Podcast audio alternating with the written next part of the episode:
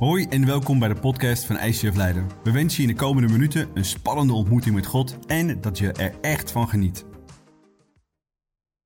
Wauw, ja, en ik hoop ook voor de mensen thuis als je meekijkt of later meekijkt of luistert. Hartelijk welkom dat je hierbij bent. Uh, we gaan genieten van een heerlijke um, message. We zijn bezig met de serie Kingdom Come. Uh, want Jezus had het na zijn dood en opstanding maar over één ding. Uw koninkrijk komen. Uh, en dat is soms een beetje vaag in duister gehuld. En daar willen we steeds dichterbij komen en steeds meer snappen waarom en hoe dat gaat. En ik denk dat we allemaal, zoals we hier zitten, ooit wel eens een keertje negatieve gedachten hebben gehad, toch? Iemand negatieve gedachten? Nou, ik heb wel eens negatieve gedachten, want ik ben ook gewoon getrouwd. Ik heb ook drie dochters. Veel emoties bij mij thuis. En dan denk je wel oh my goodness, hoe kom ik hier uit? En dan heb ik zo ongelooflijk mijn Jezus nodig.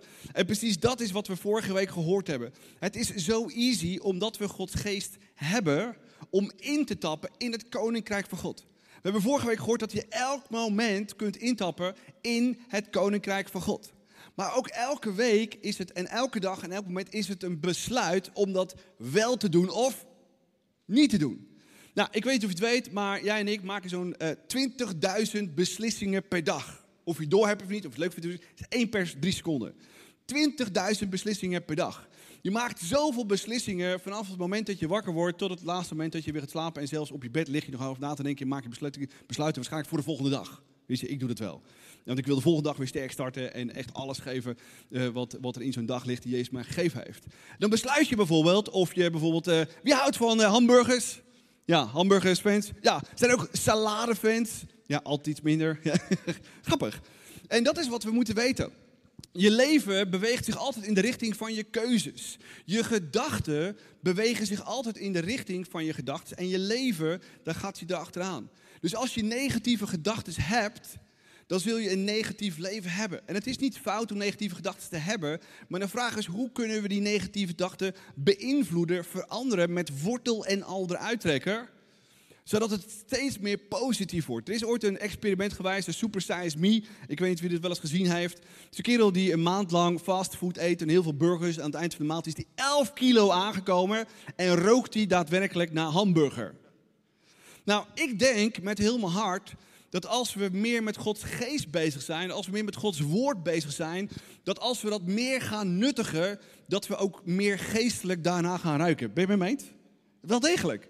En dat heeft het enorme effecten ook op jou en mijn gedachten. En dat is wat we moeten weten aan het begin van deze message. Dat we dat moeten doen. We moeten keuzes maken, dichter bij God zijn, zijn geest, zijn woord, zijn koninkrijk.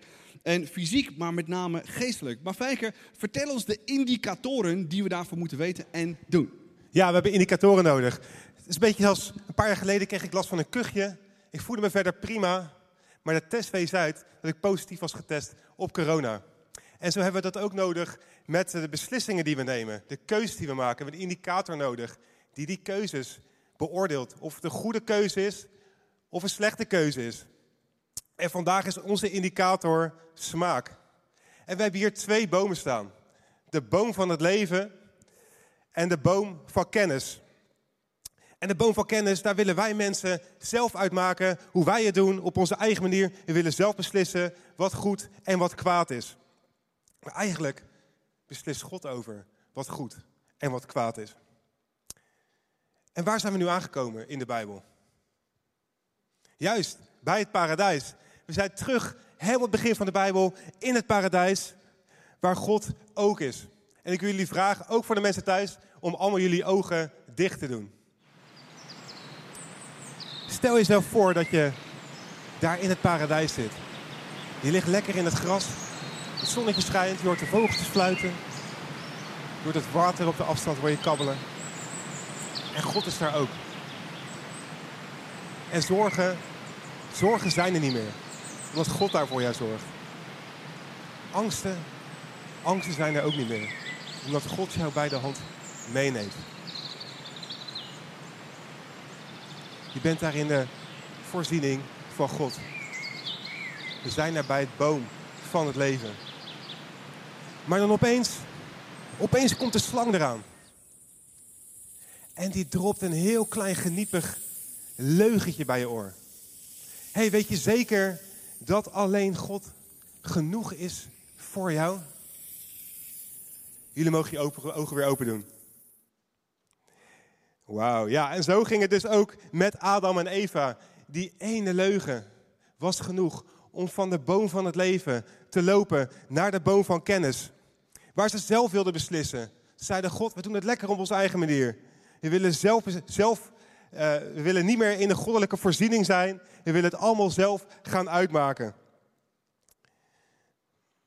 Het ziet er misschien wel goed uit. Het is er misschien ook wel heel leuk. Maar ze zijn op zichzelf aangewezen. En dat kan met jou en mij ook gebeuren. Stel eens even voor dat je zo meteen op je bankrekening kijkt en die is helemaal leeg. Er is geen geld meer te bekennen. Je kijkt in je portemonnee, er is geen geld meer. Je controleert je broekzakken nog eventjes. Er is helemaal geen geld meer. En je komt thuis, doet de deur open en er ligt een brief op de deurmat met een onverwachte energieverhoging. En je pakt hem op en bam, je telefoon valt ook nog eens op de grond. Helemaal kapot. Wat is dan je eerste reactie? Ja, dan word je gek. Dan denk je, hoe moet ik dit doen? Hoe moet ik dit gaan betalen? Misschien moet ik wel meer gaan doen. Maar dan komen we dus uit bij de boom van goed en kwaad. Hier ben je op jezelf aangewezen. Hier ben je niet meer in die goddelijke voorziening. Maar oké, je bent zaterdag toch vrij. Dus waarom niet gewoon een extra baantje? Het is eigenlijk je sabbat, wat heel erg goed voor je is. Maar ja, je portemonnee is leeg. Dus je kiest ervoor om te gaan werken. Maar het alternatief zou zijn om terug te gaan naar God, naar die boom van het leven. En te zeggen, oké God, in 1 Petrus 5 vers 7 staat het volgende geschreven. Werp al uw zorgen op hem, want hij zorgt voor u. En geloof je dit? Dat is moeilijk te geloven af en toe, toch? Maar voor de discipelen van Jezus was het niet anders. Er is een verhaal waar er 20.000 mensen zaten te wachten op eten. En het enige wat aanwezig was, waren vijf broden en twee vissen. En een van de vrienden van Jezus vroeg ook aan Jezus: Jezus, wat hebben we hier aan? Er zijn zoveel mensen, het is nooit genoeg. Maar wat Jezus ervan maakte, wat Jezus ervan maakte, was, hij dankte God ervoor. Hij deed een wonder en gaf 20.000 mensen te eten. En geloof je dit? Geloof je dat God ook kan gaan voorzien in jouw leven? In jouw financiën? Op andere gebieden in je leven? Met een glaasje water. Er staat alleen maar wijn hier zo. Het is wel, heel vroeg. Geloof je dat God ook kan gaan voorzien als je hier op het podium staat met een droge keel? Ik geloof van wel. en op de momenten dat ik bij de boom der kennis aankom en het op mijn eigen manier wil doen, smaken de dingen niet meer naar het leven.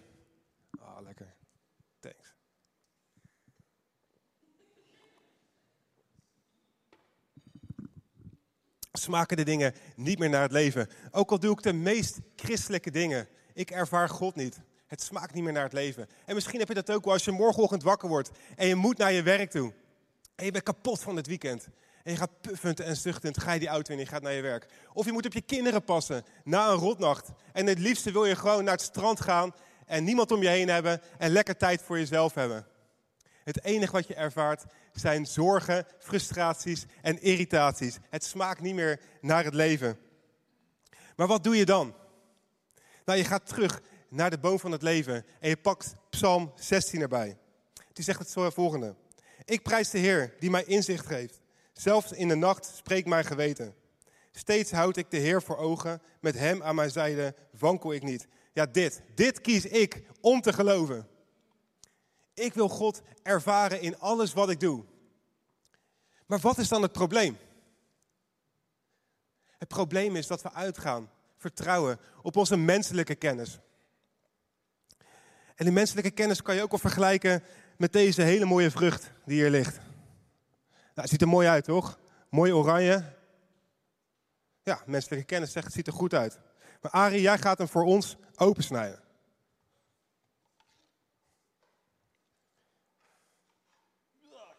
Ja, hij is gewoon vergiftigd. Dit is een vergiftigde vrucht. Pure menselijke kennis. En menselijke kennis is niet absoluut fout. Maar menselijke kennis is nog steeds vijf broden en twee vissen. Menselijke kennis ziet de vrucht er van de buitenkant goed uit. Maar van de binnenkant zien we niet dat die vergiftigd is. En hoe kan dat dan dat we dat, we dat dus niet doorhebben? Nou, dat komt Omdat we eigenlijk zijn gewend geraakt aan het leven. Aan het leven hier op aarde. We plukken de vruchten waarvan wij vinden dat die er goed en lekker uitzien. We hebben nooit geleerd om in de afhankelijkheid van God te leven.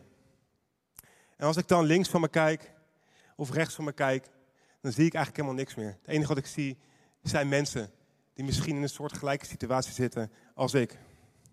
Maar eigenlijk vind ik het hier onder die boom van kennis ook wel heel erg relaxed.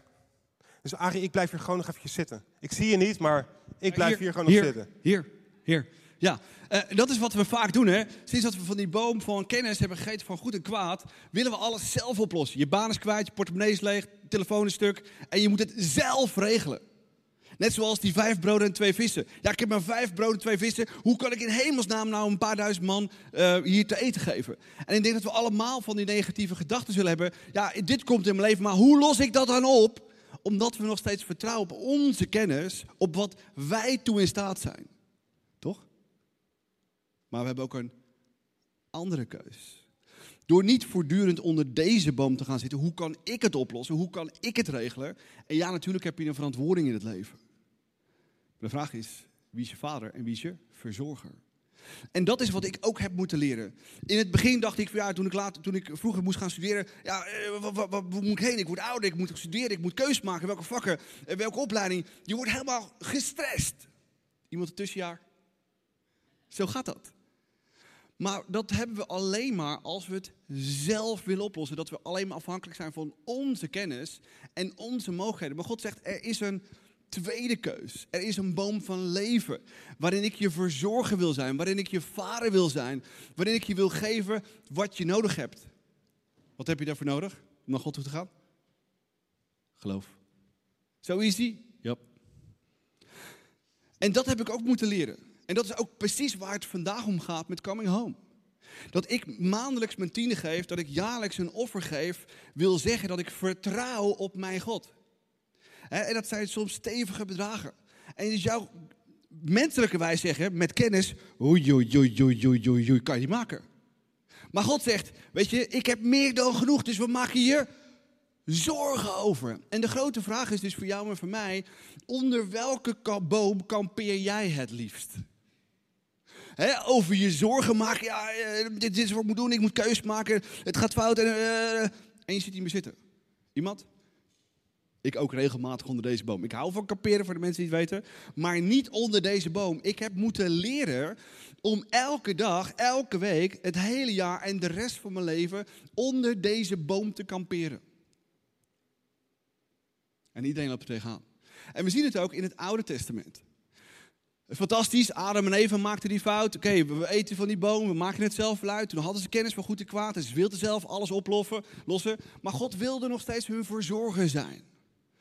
En ook bij Kain en Abel gebeurde dat. Kain was bloedjaloers op zijn broer Abel, die een waanzinnige relatie met God had. Waarom? Omdat bij Abel gaf altijd het eerste 10% en Jezus en God vond altijd centraal bij hem. En bij Kain was het altijd de leftovers. En Kain dacht, so goes it not. En wat doet hij? Hij vermoordt zijn broer. En vanaf dat moment wordt het erger en erger en erger. Iedereen kampeert onder die boom, maakt er een potje van, wil het zelf regelen, wil het zelf oplossen, ten koste van de mensen om je heen. Tot Noach kwam. Hij geloofde in God. En God zegt, ik kan er niet meer tegen. We moeten opnieuw beginnen. Bouw een boot. De vraag nog steeds is, onder welke boom kampeer jij? Of onder welke boom wil jij leven? En dat is een ontzettend belangrijke keus, elke dag weer die je moet maken. Ook afgelopen week sprak voor iemand die echt zeer veel negatieve gedachten heeft. Ja, het is heel moeilijk om positief te denken.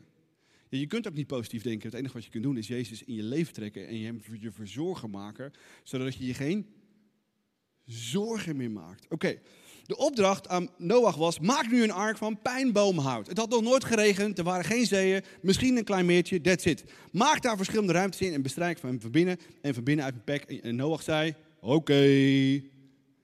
Wat was de laatste keer dat je tegen God zei: Oké, doe ik gewoon eventjes. 70 jaar van leven, ik weet niet wat een boot is, ik weet niet hoe je moet maken. Ik ga me er serieus zorgen over maken hoe je een boot maakt, want ik heb het nog nooit gedaan. Maar u bent mijn verzorger. En hij maakt die boot. En hij gehoorzaamt God op elke detail van die boot.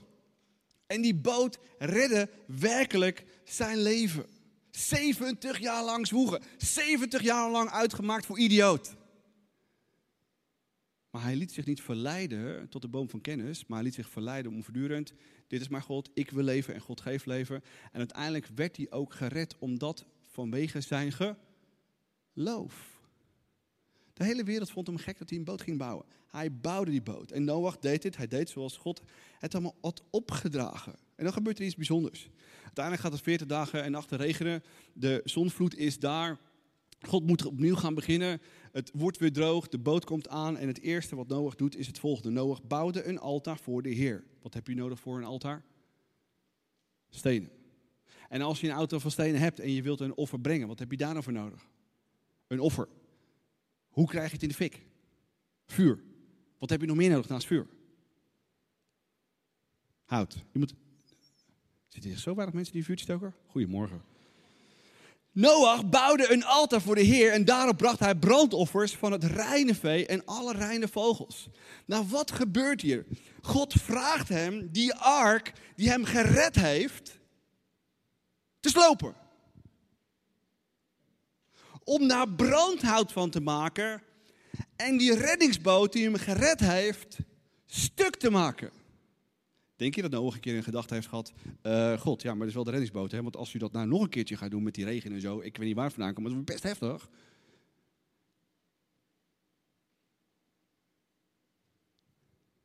Had hij dat kunnen denken? Hij heeft dit misschien wel gedacht. En dan vraagt God hem die reddingsboot van een paar honderd meter te slopen, zodat hij God kan eren. Wat heb je ervoor nodig? Geloof. In God. Dat Hij de maker van het leven is en je leven in overvloed geeft en altijd jouw verzorger is. Makkelijker gezegd dan gedaan. En precies die keuze wil God ook dat we die maken. Elke dag weer. Dat Hij onze verzorger is. Fijk, hoe doen we dat? Nou, allereerst moeten we zien dat deze vrucht vergiftigd is. En we moeten gewoon die tent uitkomen. En misschien ben je gewend aan het leven hier op aarde. Dan heb je wel eventjes nodig om die tent uit te komen. We moeten dus die tent uitkomen. En we moeten onze blik werpen op het leven. Maar wie is dan het leven? Jezus zegt, ik ben de weg, de waarheid en het leven. En in Johannes staat de volgende tekst. Het aardse bestaan leidt tot niets. Het is de geest die levend maakt. Wat ik gezegd heb, is vol van geest en leven. Als er zijn woorden, zijn waarheden, uitspraken spreken over de situatie waar wij in zitten, dan zal er leven ontstaan. Op het moment dat jij zegt, Jezus, hier is mijn leven. Ik wil het niet meer op mijn manier doen, maar ik wil het op uw manier doen. Dan zal de Heilige Geest in jou komen wonen. Onze woorden, de goddelijke woorden die wij uitspreken, hebben net zoveel kracht als dat wanneer God zijn woorden uitspreekt. En Jezaja gebruikt hier een hele goede analogie voor om te laten zien hoe dit werkt. Zoals regen of sneeuw neerdaalt uit de hemel en daarheen niet terugkeert zonder eerst de aarde te doordrenken, haar te bevruchten en te laten gedijen, zodat er zaad is om te zaaien en het brood is om te eten. Zo geldt dit ook voor het woord dat voortkomt uit mijn mond. Het keert niet vruchteloos naar mij terug, niet zonder eerst te doen wat ik wil en te voorbrengen wat ik gebied. Het is niet iets waar je zomaar over praat. Het zijn woorden die dingen bewerken, die dingen creëren. En als ik spanning ervaar, als ik stress heb, als emoties mij overspoelen, dan is mijn eerste keuze steeds vaker om naar het woord van God te gaan, zijn Bijbel open te slaan. En de Heilige Geest te vragen, Heilige Geest, inspireer me met een Bijbeltekst, inspireer me met een woord. En die woorden wil ik proclameren, uitspreken over de situatie waar ik in zit. En het werkt. En het enige wat we daarvoor hoeven te doen, is te geloven. En Matthias sprak er afgelopen zondag over, Jeremia 17. Misschien herinnert je nog. Dit zegt de Heer. Vervloekt wie op een mens vertrouwt. Wie zijn kracht ontleent aan stervelingen. Wie zich afkeert van de Heer. Hij is als een struik in de dorre vlakte. Hij merkt de komst van de regen niet op. Hij staat in een steenwoestijn, in een verzeeld en verlaten land. Verzoekt is de man en vrouw die op een mens vertrouwt. Wauw, dat is heftig. Dus als ik daarheen ga, naar die boom van kennis, dat denk ik niet vanuit goddelijk perspectief of vanuit God, maar dan vertrouw ik weer op mijn eigen kennis. En dan zal ik zijn als een struik op een dorre vlakte. En misschien voel je je wel zo. En we zijn dus gewend om in een wereld te staan. En worden we beïnvloed door de principes. Willen we het op onze eigen manier doen. En worden we daardoor beïnvloed. Maar Colossense zegt het volgende. Als je Jezus accepteert, dan word je overgeplaatst naar het koninkrijk van God. Als jij Jezus hebt geaccepteerd, dan ben je dus in het koninkrijk van God. Waar hele andere principes gelden. En de thema's en de situaties komen nog wel op ons af. Maar ze zullen ons niet meer bereiken. Als jij Gods woorden uitspreekt, dan hebben die net zoveel kracht als wanneer God die uitspreekt. Het zal leven creëren. Het zal leven creëren waar het misschien door is in jouw situatie. En het heeft niets te maken met positief denken. Want positief denken is nog steeds handelen vanuit menselijke kracht. En wanneer je het woord van God eens in je leven roept, bouw je het koninkrijk van God. En ik wil het praktisch gaan maken. Ik wil jullie aanmoedigen om deze week iedere avond vijf minuten de tijd te nemen. Nou, vijf minuten heeft iedereen volgens mij wel. Vijf minuten de tijd om daarin God te vragen: God, waar smaakt mijn leven niet naar goddelijk leven? Vraag het hem en schrijf het op. Misschien heb je zorgen. Misschien heb je angst of misschien heeft het te maken met seksualiteit, of de manier hoe je naar je partner kijkt. Of is er misschien een collega die je ook wel aantrekkelijk vindt en uh, nou, heb je daar misschien wel zorgen over? En dan heb ik een aantal bijbelteksten meegenomen voor jullie. In 1 Petrus hadden we dus net ook al dat vers. Werp al je zorgen op hem en hij zal voor je zorgen. En over seksualiteit. Psalm 139, hoe zie ik mijn partner eigenlijk? Of de angst. Psalm 23, de Heer is mijn herder. En zoek die Bijbelteksten op en proclameer ze over jouw situatie. En geloof dat het leven gaat creëren. En misschien zit je hier en ken je God niet. Of ervaar je God niet. Maar heb je wel last van angst of twijfels of die topics die hier achter me ziet? Dan heb ik de volgende tekst voor jullie meegenomen. Jeremia 29 zegt het volgende. En dan raad ik je aan. Uh, jullie zullen mij zoeken en ook vinden. Als jullie mij tenminste met hart en ziel zoeken. En wij zullen God vinden als wij hem met hart en ziel zoeken. En Jezus belooft ook, als wij kloppen, dan zal er worden open gedaan. En dat is wat Jezus belooft. Maar hoe ontvangen we dan die vrucht van het leven?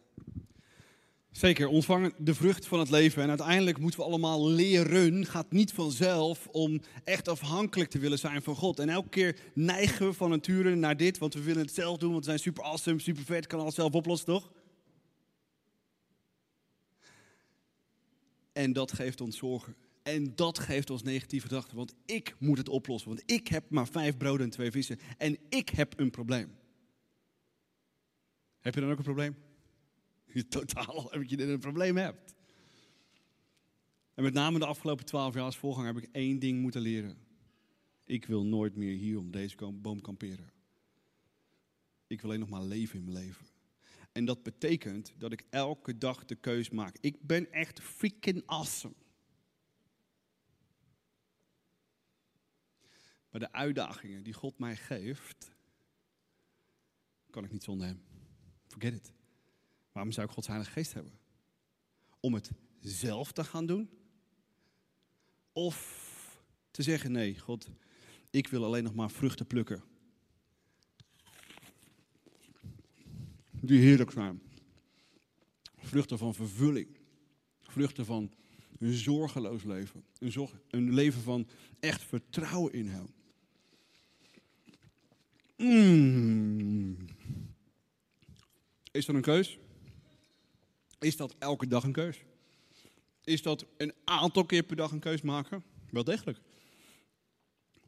Misschien vandaag al zie je, naar huis, zie je op om straks naar huis toe te gaan rijden met je kinderen in de auto. Wat heb je nodig? Ja, je hebt Gods geduld nodig. Wat heb je morgen voor je liggen? Misschien met je studie, misschien met je werk. Waar heb je zijn hulp nodig? Tap in het koninkrijk van God, elk moment. Jij bepaalt welke vruchten je plukt. En als je nu je leven smaakt naar dood en niet zo lekker is en dat je leven ruikt nadat je denkt oei oei oei oei oei oei oei oei oei iets te lang buiten de koelkast gelegen. Waar hebben we dan gekampeerd? Ja, precies bij deze boom. En als we leven in overvloed willen, als we ons leven willen laten smaken, willen laten ruiken naar leven, dan moeten we dat vinden bij God alleen. God is altijd de oplossing en de enige oplossing. Dat we vanuit onze natuur het altijd weer zelf, zelf, zelf, zelf, zelf willen regelen. Laat zo zien dat we God niet kennen. Laat ook zo zien dat we onvolwassen zijn, geestelijk. En we moeten echt leren, met name in de moeilijke issues, het niet zelf te willen doen, maar als eerste naar God toe te gaan en het bij Hem neer te leggen. Moest Jezus dat ook? Moest Jezus dat ook? Elke dag? En op het moment, aan het eind van zijn carrière, staat hij in de hof van Gethsemane. Hij weet wat hem te wachten staat. Hij wist wat zijn roeping was. Om te sterven voor de mensheid. Zijn bloed te laten vloeien. Als een lam letterlijk geslacht en behandeld te worden als een misdadiger. En hij zit daar op zijn knieën. In de hof van Gethsemane. Heeft hij dan ook een keus? Onder welke boom die gaat kamperen? Had hij kunnen zeggen, Jezus, God, ik, ik, ja, ik, ik moet het helemaal alleen doen. Dat gaat helemaal niet. Had hij kunnen doen, toch? En hij had na kunnen gaan denken over hoe diep zwart het allemaal zou zijn. En het was diep en zwart. Maar God was met hem. Dat maakt het verschil. Dat maakt het grootste verschil. Het grootste verschil in je leven is God. Want als je datgene wat er nu in je leven ligt zo taf is, en je kunt het niet aan iets geven die wel bij machten is om het op te lossen, heb je dan een issue? Ja, en we denken vaak dat dat het issue is. Ja, ik heb hier een probleem en ik kan er nergens mee naartoe en ik moet het allemaal zelf oplossen. Nee, we kiezen er zelf voor om hier te kamperen bij deze boom. Terwijl we elke dag, elk moment de keuze hebben om naar God toe te gaan, in te tappen in het koninkrijk van God, want we hebben zijn Heilige Geest. En Hem te vragen wat we nodig hebben. Wat hebben we ervoor nodig? Ja, iets wat we te simpel vinden. Geloof. Geloof is voor losers. Ha, ik kan het zelf oplossen. Iemand? Ik kan alles zelf oplossen. Ik ben zo freaking awesome. Maar er zijn dingen in het leven die kan je überhaupt niet oplossen. Sterker nog, God wil niet eens dat je daar komt. Hij wil dat je zelfs bij de kleinste dingen Hem betrekt en dat hij je daarin verzorgt. Easy? Dat is wat het is. Alleen we geloven niet de simpele dingen. Want je hebt er alleen maar geloof voor nodig. En geloof is voor losers. Maar echt geloof weet wie God is. Echt geloof weet waar God toe in staat is. Echt geloof zegt God, ik heb je nodig. Oké, nog één taffe gedachte. Maar wat als God dan niet doet wat hij moet doen?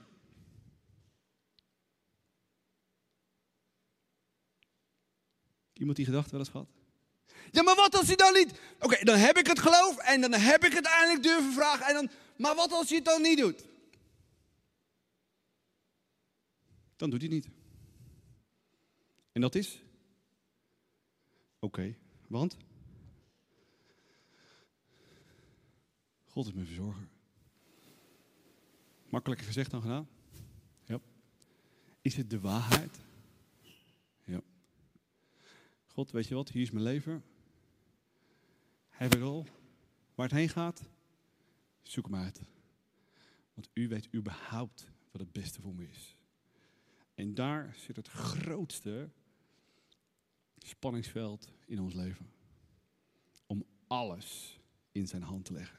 Oké, we willen soms wel een paar dingetjes bij hem neerleggen die niet te veel kosten, waar we niet te veel. Hè, dat, dan mag hij wel wat invloed hebben. Maar pas als hij echt overal wat te zeggen heeft, betekent het dat je echt vrij bent. Ik hoop met heel mijn hart dat je echt vrij wilt zijn. En dat betekent dat we ooit ergens een keuze moeten maken om te willen kamperen onder deze boom en daar nooit meer weg te willen. Want alleen de vruchten van deze boom die zijn sappig. Alleen de vruchten van deze boom geven echte verzorging. Alleen de vruchten van deze boom geven precies datgene wat we nodig hebben. En Jezus wist dat. Jezus begaf zich elke dag in de nabijheid van God. God, ik heb, uh, ja, u wilde dat ik een team ging samenstellen. Uh, wie? Ik vind die Jude wel cool, ziet er super uit, sneakers, strak pak. Ja, ik wil zo'n loser hebben, zo'n visseman. Ja, een visseman. Kom op, zeg. Gaan we nou daar de wereld mee veroveren? Dat is vertrouwen. God wil dat we Hem eerst vragen. En dat zijn weg altijd een beetje crazy is. Klopt. Anders heb je geen vertrouwen en geloof nodig, toch? Kan je het weer allemaal zelf. Easy. Met alle gevolgen van dien.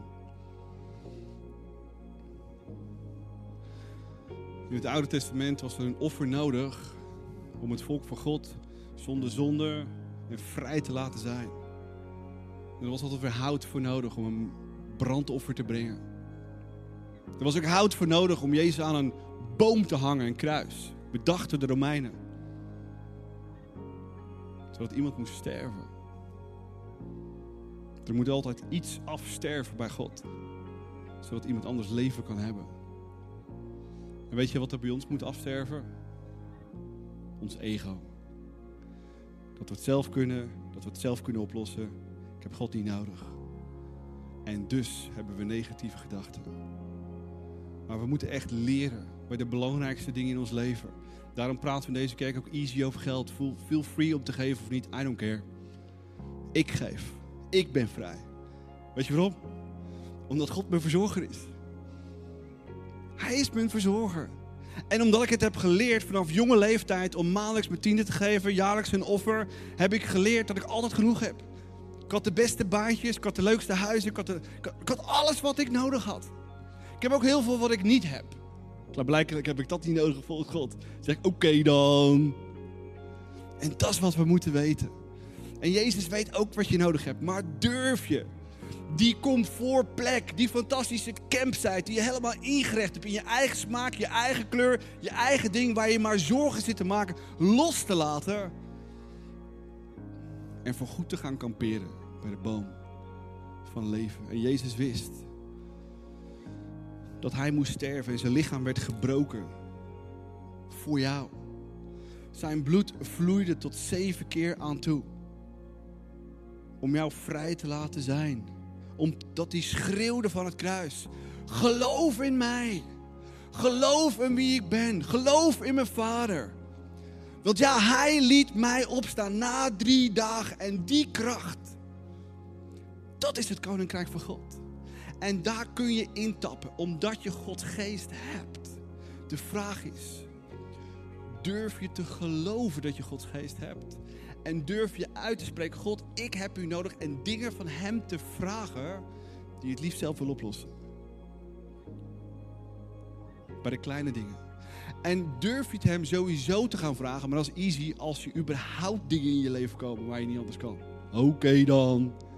Om in alle fases van je leven, op elk issue van je leven, als eerste naar Jezus te gaan. Dus Jezus, u houdt van me, onvoorwaardelijk. U hebt kracht. Ik heb uw geest. Ik kan intappen in het koninkrijk van God. Om datgene te geven wat ik nodig heb. En ik hoop met heel mijn hart dat je dat vanaf vandaag wilt doen. Levensveranderend. Alleen de mensen die het geloven en doen ervaren de kracht van God. En ik hoop met heel mijn hart dat je vandaag jouw gedachten, jouw negatieve gedachten, jouw situatie in je leven van afgelopen week, afgelopen jaar, van komende week, komend jaar, komend in je leven. Eén ding is zeker, trouble comes. The shit will hit the fan en je krijgt negatieve gedachten. Maar waar ga je heen?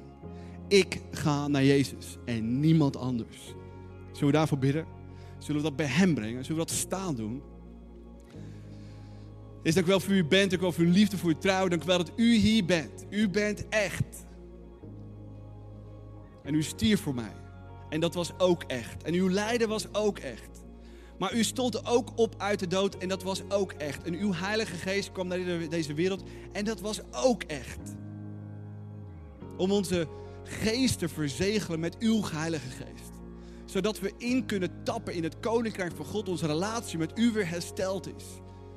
Dat wij uw zonen en dochters van God almachtig zijn en dus kunnen vragen wat we willen. Tenzij we willen kamperen onder de boom van kennis en alles zelf willen oplossen. Maar hier nu vandaag. Voor alle kleine dingen, voor alle grote dingen. Willen we een statement maken. U bent onze verzorger. U geeft ons leven. En u bent de enige die ons leven kan geven. Ik heb u nodig. Ik geloof in u.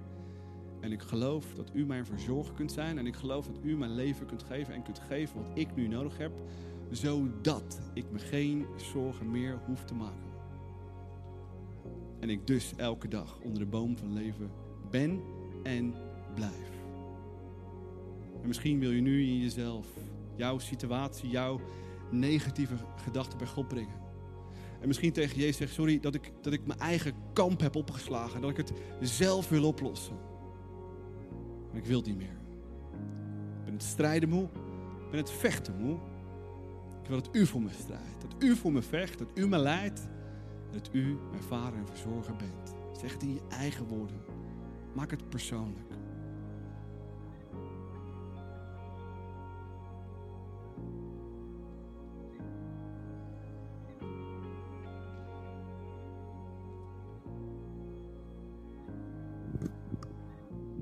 Dank u wel dat u ons gehoord heeft. En dank u wel dat u weet als mens hoe moeilijk het is soms is om ons eigen kamp te verlaten. Onze eigen kennis te verlaten. Onze eigen zelfverzorging te verlaten. En ons hele leven in de hand van uw vader te leggen. U kent ons hart.